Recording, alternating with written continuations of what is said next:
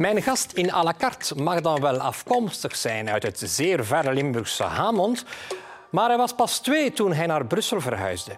In de 70 jaren ging hij aan het RIT studeren en snel nadien maakte hij zijn eerste langspeelfilm met de naam van zijn geliefde stad in de titel.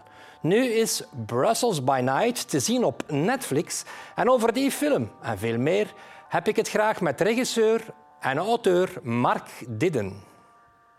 Wat denkt u nu van Brussel? Is Brussel een helhol? Lukt er niets in Brussel? Hoe gaat het nu met Brussel? Goed of slecht? Gaan we nu vooruit of achteruit? Een stad waar te veel auto's zijn? Of zijn de fietsers te arrogant? Wilt u er komen wonen of willen jullie juist weg? Welkom bij à la carte, Mark Didden. Als, Goedenavond. als aperitiefje gaan we even kijken naar dit.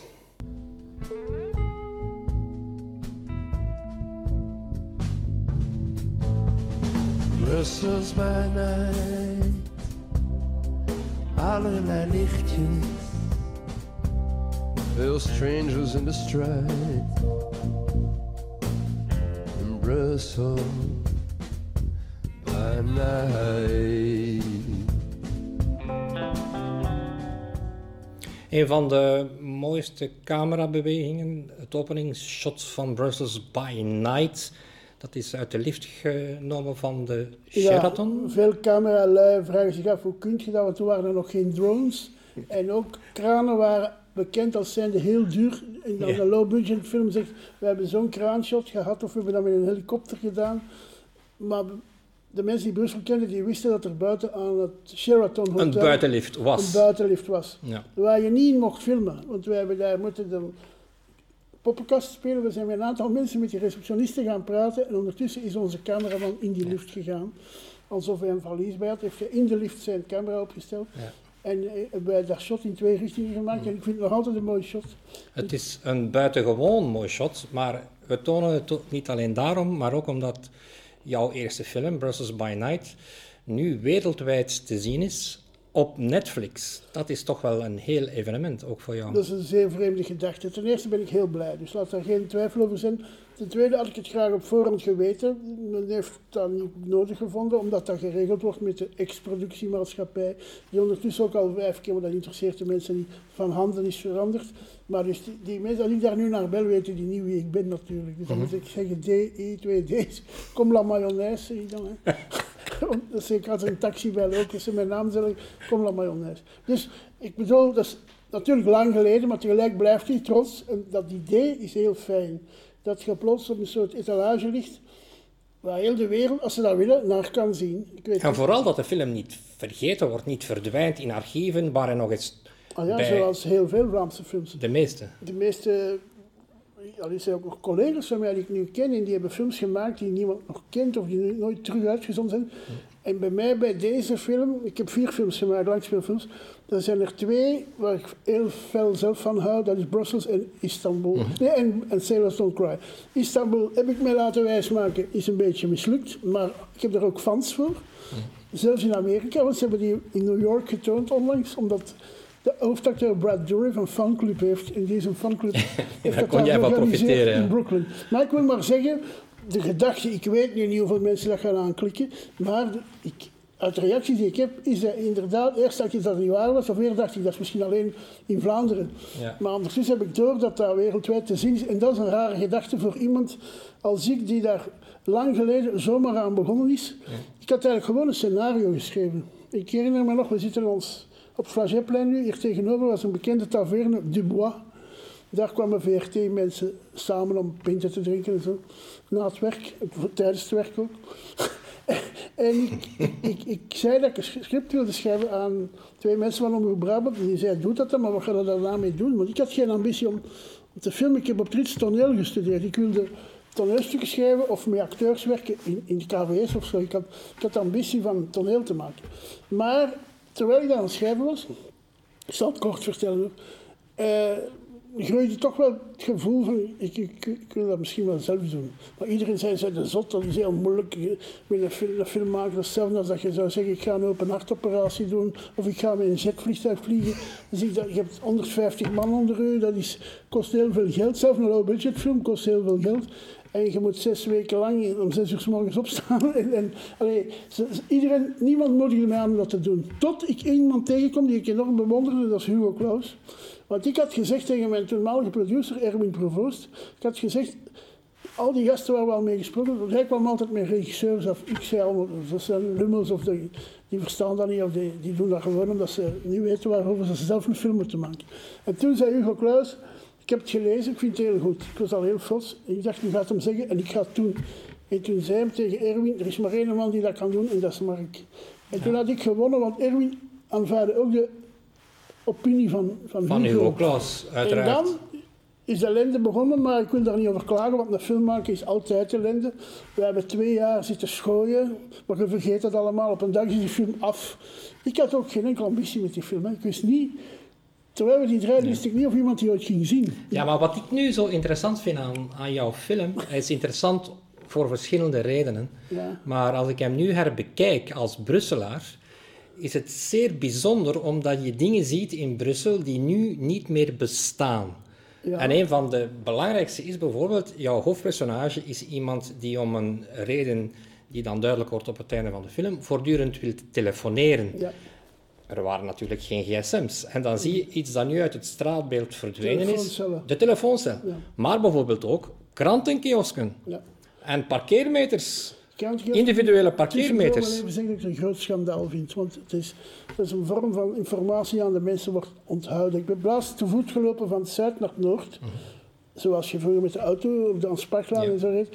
En je moest je een loop zoeken naar een krantenwinkel. Ik heb er eentje gevonden, maar dan moest je ergens binnen gaan in een galerij. Dus De stad heeft dat ook bewust gedaan. Bij het heraanleg van het plein van de beurs, er waren twee kiosken op de beurs, links en rechts. Ja. Hebben ze die En geen- nog één achter ook. Ja, en hebben ze geen vergunning gegeven Ja. omdat een of andere Marion Le Maire, denk ik, dat niet, Ja. niet mooi vond voor het stadsbeeld. Maar het is, jouw, jouw, film, jouw film is echt een, ook een tijdsdocument. Dus als je, je kan de film op twee manieren kijken natuurlijk. Je kan kijken naar het verhaal. Maar als je dan let op het decor, wat ik gedaan heb, dan zie je heel veel dingen die mij aan mijn jonge jaren in Brussel herinneren, maar die nu volledig verdwenen zijn. En de stad is geweldig veranderd. Je hebt bijvoorbeeld in jouw film ook heel veel autoverkeer op de centrale laan. Je hebt ook het beursgebouw met een heel breed trottoir ervoor. Je hebt de oude bekleding van de beurs metro. Ja. Nee, dat is voor een Brusselaar interessant, maar mijn film is ook in de ganse wereld gezien. En het leuke is dat het op dat niveau ook werkt.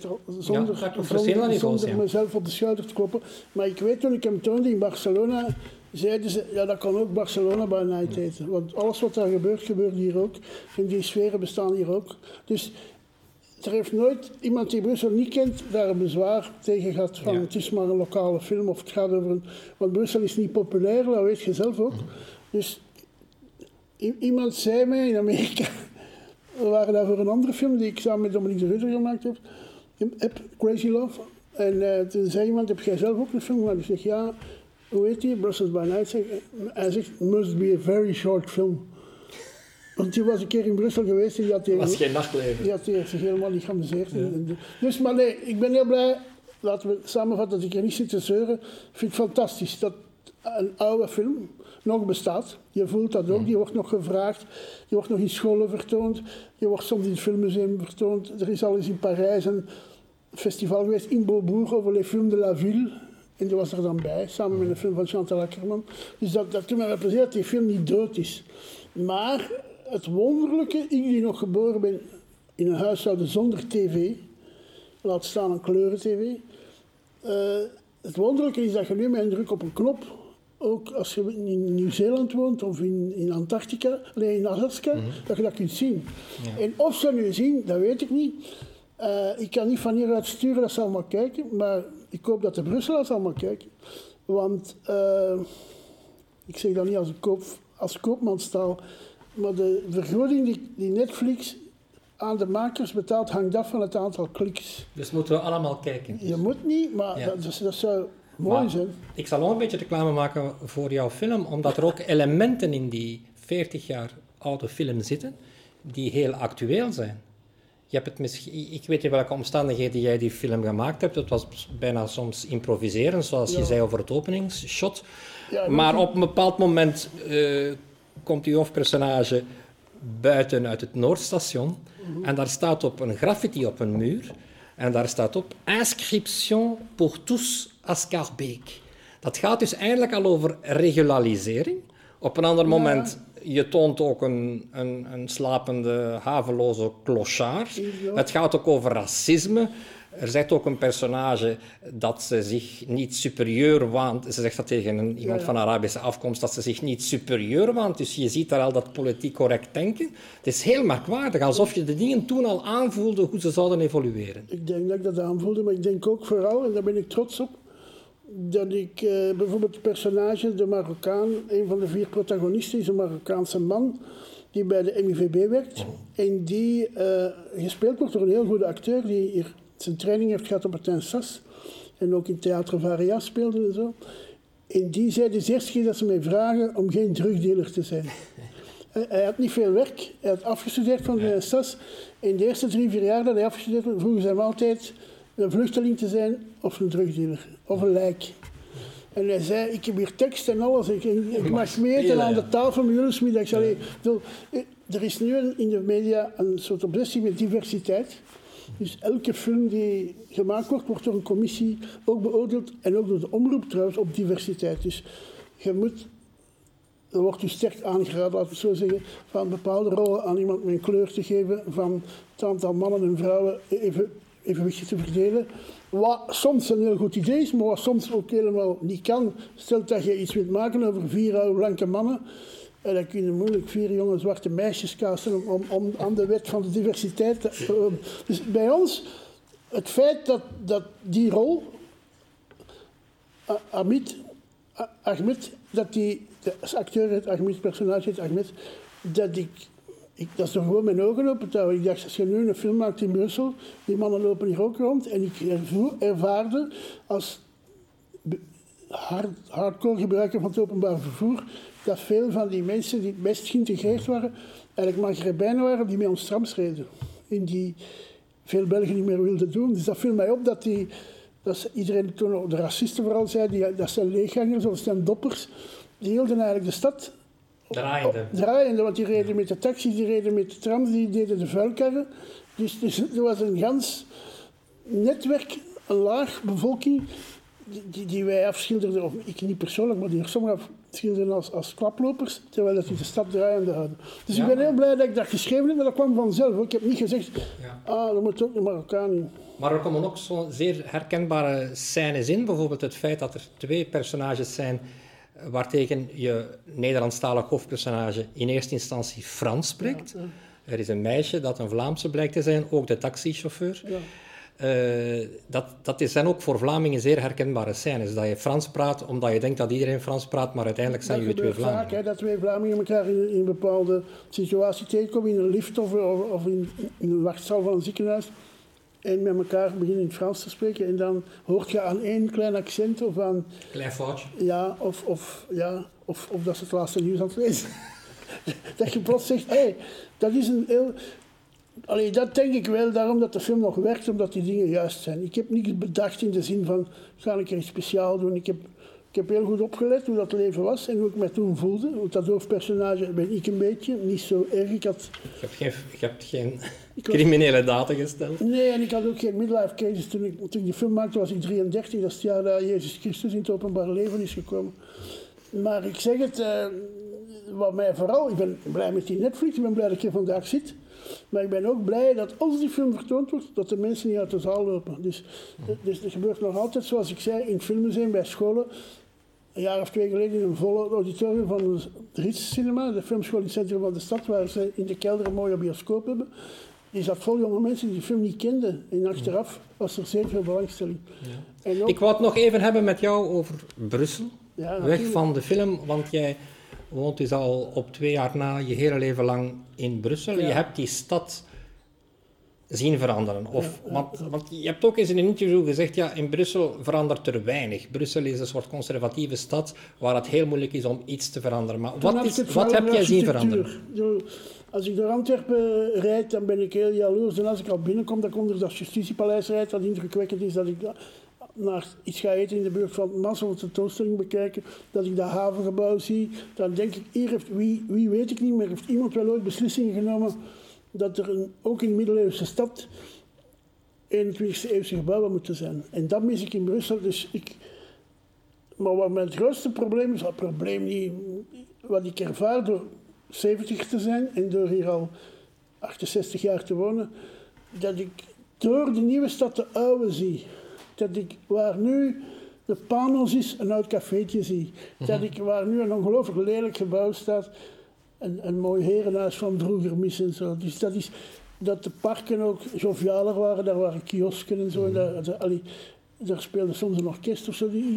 Dat is geen fantasiewereld van mij. Je hebt mij eens verteld dat je met moeite voorbij kan gaan aan de plek waar vroeger het volkshuis van Horta Ja, dat stond. is, Daar heb je nog altijd moeilijk mee. ik heb daar zelfs ooit met Karel van Meert Zaliger, een grote socialist, ik heb gezegd, sinds die dag stem ik niet meer voor de socialisten. Maar dat is niet waar, want ik mocht toch nog niet stemmen toen ze dat afgebroken hebben. Maar ik versta dat niet, dat niemand binnen de toenmalige Arbeiderspartij van België, heette dat toen denk ik, gezegd heeft, maar alleen dit breekt me toch niet af. Ook omdat het er nog niet zo lang stond. Terwijl het nu, als je dus het gebouw bekijkt, of je gaat naar het Hortahuis, waar er plannen van liggen en zo, het zou nog altijd het mooiste gebouw van Brussel zijn en ook het nuttigste. Want daar waren winkels in, daar was café, daar was een theaterzaal, daar was een filmzaal. Dus dat, is, dat was gewoon een perfect gebouw. En dat, dat gesprek aan respect, dat stoort mij ook wel. Ik ben een kritische Brusselaar. Ja, maar je hebt ook die periode meegemaakt dat er in Brussel heel veel afgebroken is voor de megalomane plannen van Van den Boenans en Charlie de. Pauw. De Kunstberg is ook verschrikkelijk. Als je daar nou een foto van ziet, dan moet je bijna blij zijn, omdat dat echt iets mooi was. Daar zou je in Parijs naar gaan kijken, of- in Rome. En dat slapen we, ja, de trein moest daar voorbij, maar dat is ook verstandiger kunnen doen. Maar hoe komt het dat dat is kunnen gebeuren in Brussel? Want je hebt dat, je hebt dat zien gebeuren bijna. Ja, ik ben niet in de cenakels van de politiek. Ik weet niet hoe, dat, hoe die soort beslissingen genomen worden.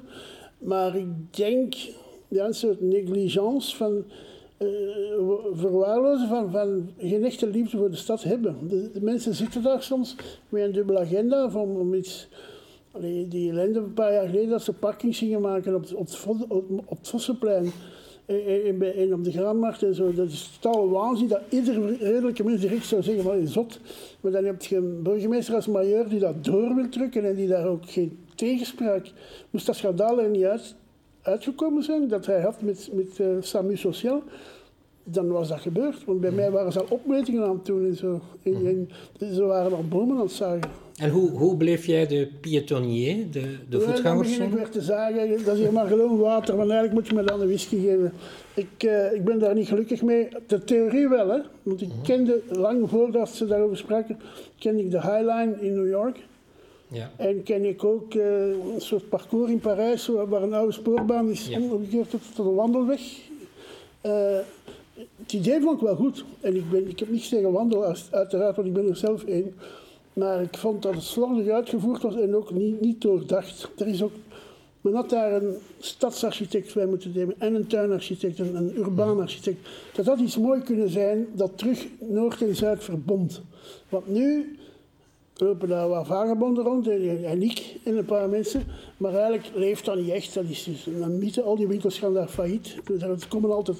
Een mooie winkel gaat dicht en dan komt er een nachtwinkel of om reparatie van gsm's of zo. Dus dat, is, dat heeft geen enkele allure. Terwijl dat vroeger een chique boulevard was. Mensen kwamen daarvoor van Holland en van Limburg en Gent om dat te zien. Hè, de boulevards. Stapten in het noord uit, liepen de stad door.